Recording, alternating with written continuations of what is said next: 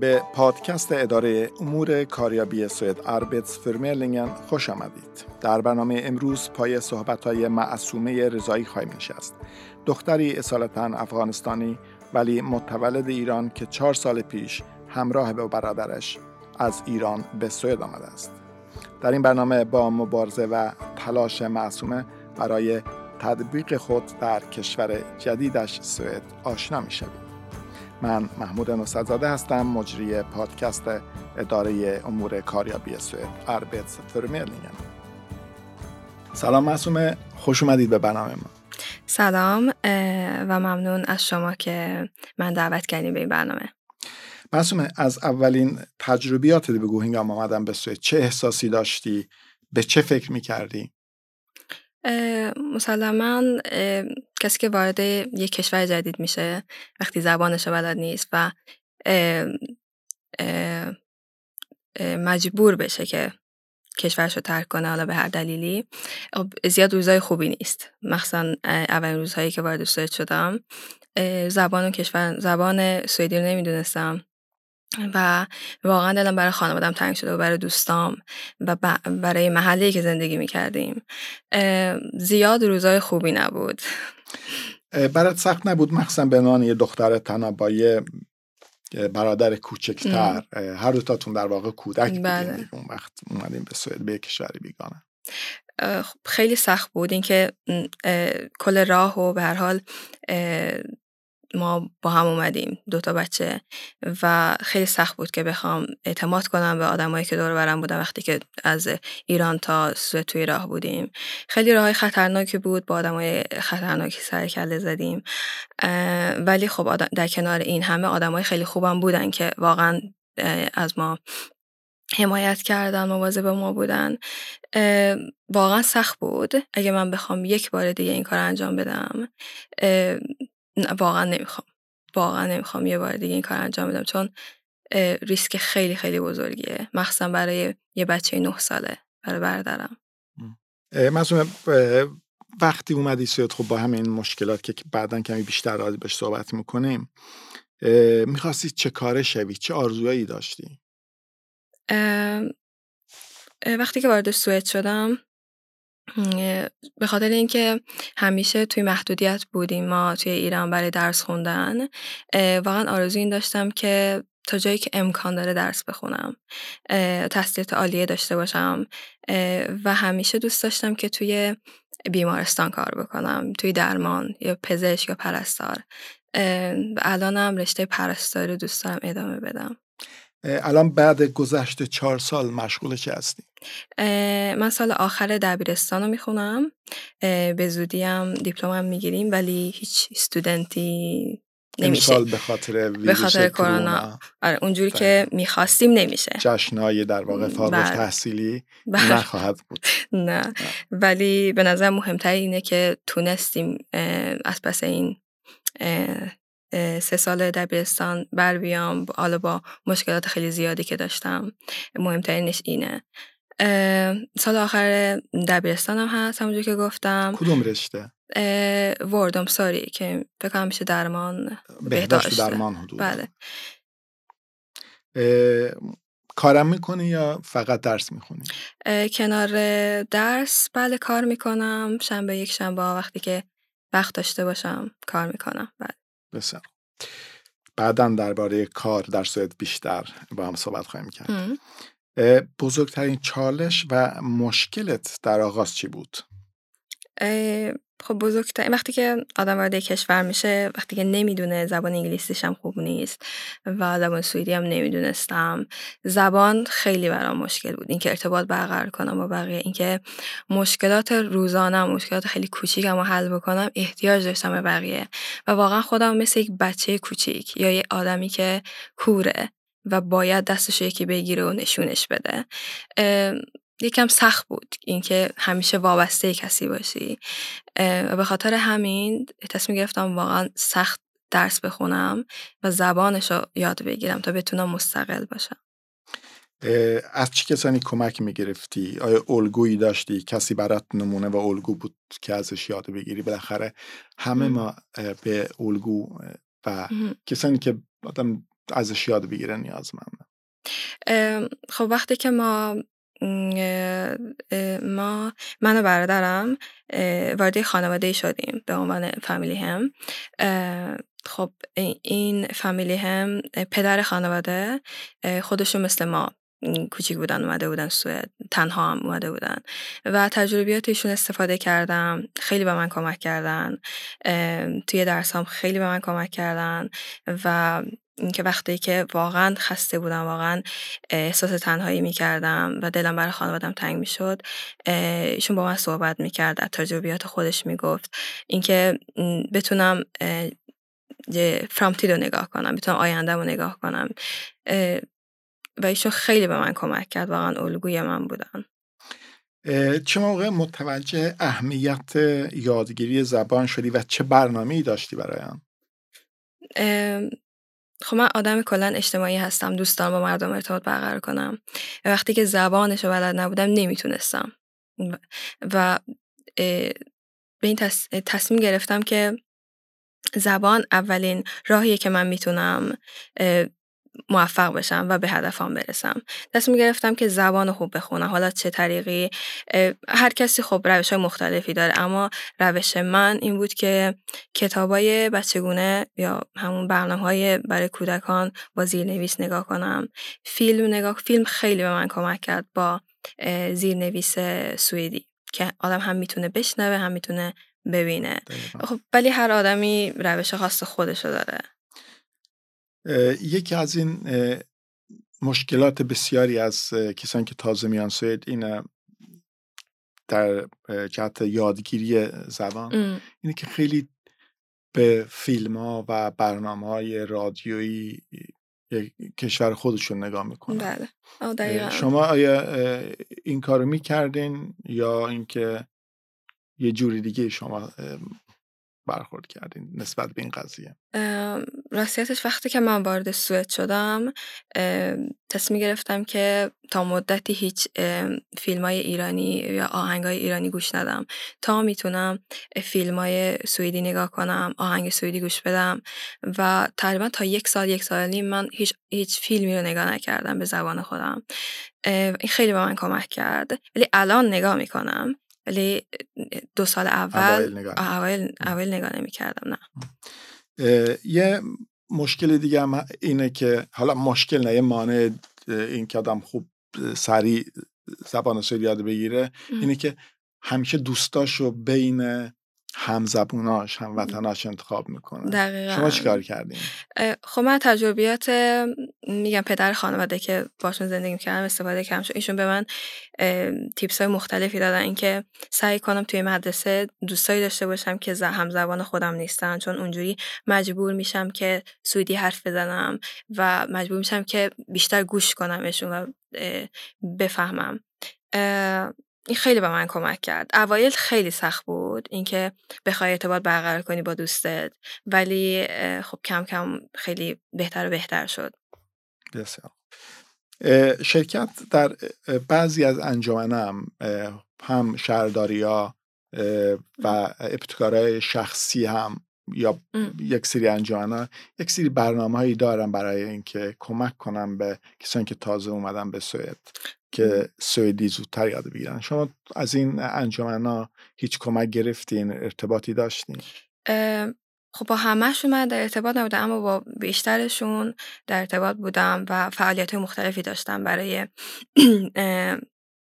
اونایی که تازه اومده بودن سوئد مثلا انسام کامانده ها فعالیت های زیادی داشتن که با همدیگه آشنا بشن بچه ها یا دوستای زیادی پیدا کنن.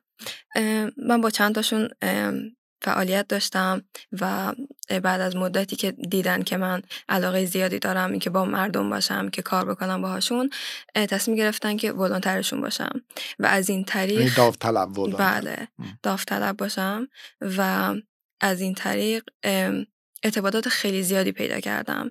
خیلی چیزا یاد گرفتم حال به غیر از زبان خیلی چیزا ازشون یاد گرفتم. اینکه چجوری می‌تونن آدم برنامه‌ریزی کنه چجوری می‌تونه آدم ایده هاشو طراحی کنه یا خیلی چیزای زیاده بود. اینکه چجوری آدم می‌تونه توی گروه کار بکنه توی گروه خیلی برای من آموزنده بود.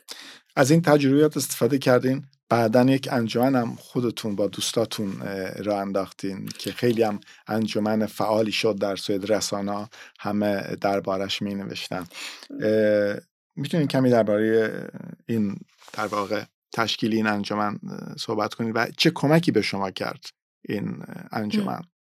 خب وقتی که با انجمن مختلف بلندتر بودم براشون خیلی چیزا یاد گرفتم همونجوری که گفتم. پس چون ارتباطم داشتیم با, با انسام کمانده های دیگه دوستیات داشتم. انسام کمانده همون کسانی که جدیدن اومدن بله تنها به بچه های زیر 18 سالی که تازه اومده بودن خیلی هاشون خب حال رویشون خوب نبود به خاطر اینکه خب به غیر از اینکه از خانواده دور بودن به غیر از اینکه با اتفاقات ناخوشایندی که حالا توی کشورشون یا توی راه براشون اتفاق افتاده بود حالا به هر دلیلی حالشون اصلا خوب نبود و تعداد زیادشون خودکشی کرده بودن. و این باعث شد که من و دوستان به این فکر بیافتیم که باید یک کاری براشون انجام بدیم. باید صدای این بچه ها رو به گوش مردم برسونیم. اوایل تابستون بود که من و دوستام که هممون دختر بودیم تصمیم گرفتیم که توی شهر تحسن کنیم. و این تحسن مورد علاقه خیلی ها شد خیلی توجه گرفت و همون روزا بود که من فیسبوک درست کردم و طی خیلی روز مدت خیلی کوتاهی بود که فالوور خیلی زیادی پیدا کردم. مخصوصا بیشتر سویدیا بودن که دوست داشتن بیشتر با ما آشنا بشن بیشتر ما رو بشناسن ما که هستیم. و اینجوری شد که خیلی بیشتر و بیشتر ارتباط برقرار کردم با مردم. از این طریق تونستم چی شبکه اجتماعی خیلی خیلی بزرگی درست بکنم. به نکته خیلی خوب اشاره کردین شبکه اجتماعی. در جامعه سوئد و در همه جوامع ایجاد یک شبکه از آشنایان دوستان. بسیار مهمه برای اینکه آدم بخواد پیشرفت کنه رشد کنه تو این جامعه. و خیلی وقت اما کسانی که دنبال کار میگردن به راحتی از این در واقع شبکه کمک می‌گیرن برای اینکه. زودتر کار پیدا کنن و زبان سوئدی هم خیلی سریعتر یاد بگیرن. خب تماس زیادتر میشه. یک بخش دیگری هم مسئله کاره. شما به تحصیل اشاره کردین که برنامه دارین و برنامه داشتیم برای اینکه زبان یاد بگیرین و همچنین یک شبکه اجتماعی هم ایجاد کنین فعال باشین در انجمن ها. ولی از تجربیات خودتون در کار درس در شروع، حالا کی شروع کردی به کار؟ بله. به چه شکلی بود؟ که چون برای خیلی که تازه میان سوئد بله. خیلی دلشورگی داره و خیلی نگران هم وقتی می‌خوان اولین بار شروع به کار کنن. کمی درباره تجربیات کاری در آغاز بگو. کار من اول با کارآموزی شروع شد که از طرف مدرسه خب هر سالی از طرف مدرسه فرستاده میشه به مراکز درمانی و من هم در توی praktik م پنج, پنج هفته باید praktik انجام می‌دادیم و بعد از praktik همون کارآموزی بهم پیشنهاد کار دادن و تونستم کل تابستون رو اونجا کار بکنم. خب روز اولین روزای اولی که تازه شروع کرده بودم خیلی استرس داشتم به خاطر اینکه کار ما خیلی حساسه. اگه اشتباهی صورت بگیره خب با جون آدم آدم بازی می‌کنن و خیلی برای من سخت بود و اما همکارام خیلی به من کمک کردن تا بتونم بیشتر آشنا بشم با اون محیط بیشتر یاد بگیرم. خیلی به من کمک کردن. و فکر می‌کنم پرکتیک خیلی می‌تونه خیلی خیلی خوب باشه. هم برای کسایی که می‌خوان کار بکنن. خب تو، توی اون پنج هفته آدم خیلی آشنا میشه. با محیط کار با همکارا. اینکه خیلی حالا به غیر از اینکه خیلی چیزا یاد می‌گیره و بعد از بعد از پرکتیک آدم می‌تونه خودش تصمیم بگیره که می‌خواد اینجا کار بکنه. البته من سال دوم و سومم کارآموزی رفتم. اما از محیط کار خوشم نیومد و تکنه ای کردم. گفتم نمی‌خوام. به هنوزم هنوز بعد از سه سال همونجا کار می‌کنم. بسیار خوب. دقیقا مسئله praktik یا کارآموزی برای خیلی شاید اهمیت اونو درک نکنن یا فکر می‌کنن که خب شاید بعضا هم حق داشته باشن که از اونا استفاده میشه در محیط کار. ولی خیلی مهمه که اینو بدونیم که praktik اولین قدم می‌تونه باشه گام باشه برای ورود به بازار کار در سوئد و باید اگه فرصتی پیش اومد حتما استفاده کرد به شکل درستی. البته. کار کردن به غیر از این چه احساسی به شما می‌داد وقتی که شما شروع کردین و تونستین استقلال مالی پیدا کنین؟ خب سالی که من شروع کردم به کار هنوز حق اینو داشتم که از کمون کمک مالی بگیرم. اما خودم با کمون تموم کردم به خاطر اینکه می‌خواستم رو پای خودم وایستم. و این حس خیلی خیلی به خیلی خوبی بهم هم می‌داد که می‌تونم رو پای خودم وایستم. می‌تونم به کسایی که فکر می‌کنم ما مهاجرین اومدیم سوئد که زحمت باشیم براشون یا اینکه روی بیدراگ زندگی کنیم می‌خواستم بهشون نشون بدم که من می‌تونم رو پای خودم وایستم می‌تونم کار بکنم. و احساس خیلی استولت داشتم افتخار می‌کردم. غرور داشتی. بله. بسیار عالی. شما به فرصت های زیادی که وجود داشته اشاره کردین و تونستین استفاده صحیح بکنین از این فرصت ها فرصت های زیاد برای پیشرفت تو سوئد هست. خب البته سختی و مشکلات هم خب داره خصوصا اشاره کردین. ولی به نظر شما تا چه حد احساس مسئولیت و داشتن برنامه و هدف و تلاشای فردی تاثیر داره برای موفقیت؟ به نظر من هر آدمی که می‌خواد پیشرفت بکنه احتیاج داره به هدف. اینکه حالا هدف بزرگ شامل هدفهای خیلی کوچیک هم میشه. هدفهایی که کوتاه مدت هستن. و به نظر من اینکه سوئد واقعا کشوریه که کشور فرصت هاست. اینکه باید از از فرصت اون مخصوصا کسایی که تازه وارد سوئد میشن سالهای اولی که توی توی سوئد زندگی می‌کنن باید از هر فرصت استفاده کنن. حالا این فرصت می‌تونه درسی باشه کاری باشه. و به نظر من مهمترین کاری که می‌تونن انجام بدن برای اینکه به هدفشون برسن اینکه اول هدفهای خیلی کوچیک داشته باشن برای خودشون. اینکه اول باید مثل من که هدف برای خودم گذاشتم که اول باید دبیرستانم تمام کنم. اول که اومده بودم سوئد گفتم باید من زبانم رو کامل کنم و بعد دبیرستانم و بعد دانشگاهم و بعد کارم و با هدفهای کوچیک داشته باشن اول به نظرم. بسیار عالی. می‌خوام اینجا به یه موضوع اشاره کنم. دولت سوئد الان یک قانونی وضع کرده برای کسانی که تازه اومدن سوئد و دیپلم ندارن یعنی دوره تحصیلی دبیرستانی رو نگذروندن و در یک برنامه هست به نام اتابلیرینگ اگه در اون شرکت دارن موظفن که درس بخونن. یعنی این مسئله درس خوندن اینقدر مهمه که دولت یعنی این بهش میگن آموزش اجباری utbildningsplikt که حتما باید همه دیپلم بگیرن. چون بدون آموزش بدون تحصیل کار کردن و کار پیدا کردن کار مناسب پیدا کردن هم در سوئد خیلی سخته. و همین شما اشاره کردین که برنامه داشتن اهداف کوتاه مدت و بلند مدت آدم جلو پای خودش بذاره. بسیار کار خوبیه و خیلی کمک می‌کنم داریم یواش یواش به پایان برنامه می‌رسیم معصومه. برای آینده چه برنامه ای داری و بزرگترین آرزو چیه تو سوئد؟ هدف آینده من این هست که پرستار خیلی خوبی بشم و به مردم خدمت کنم. و بزرگترین آرزوی من اینه که به حال ما توی دوره زندگی می‌کنیم که تقریبا نجات پرستی خیلی کمتر شده ولی هنوز هست. می‌خوام که این نجات پرستی از بین بره و ما مردم به این نتیجه برسیم به این چشم نگاه کنیم همدیگری که همه ما در درجه اول انسانیم بسیار آرزوی زیبایی است و منم امیدوارم که این روز این روزها هر چیز زودتر برسن و متاسفانه خب این یک مشکل هست و مشکلات زیادی از جنگ هست بله. بهتره که همه انسان ها تلاش کنن برای اینکه هم خودشون رشد کنن و پیشرفت داشته باشن و هم دیگران.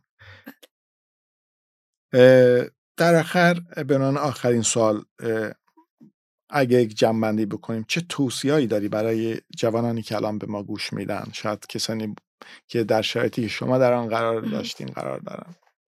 اینکه از نو شروع کردن کار آسونی نیست اما غیر ممکن نیست. اینکه هیچ وقت تسلیم نشن. و تلاش خودشون بکنن که میگن جوینده یابنده است. اگه تلاش بکنن و هدف داشته باشن واسه زندگیشون به هر چیزی که می‌خوان می‌رسن. بسیار متشکرم خانم معصومه رضایی. یکی از جوانانی که به تنهایی اومدن سوئد و موفق بودن در جامعه و آرزوی موفقیت بیشتری برای شما دارم و امیدوارم که به تمامی آرزوهات برسی. ممنون. به پادکست اداره امور کاریابی سوئد نی ایسوریا پودن گوش دادید. مهمان امروز برنامه من معصومه رضایی بودم.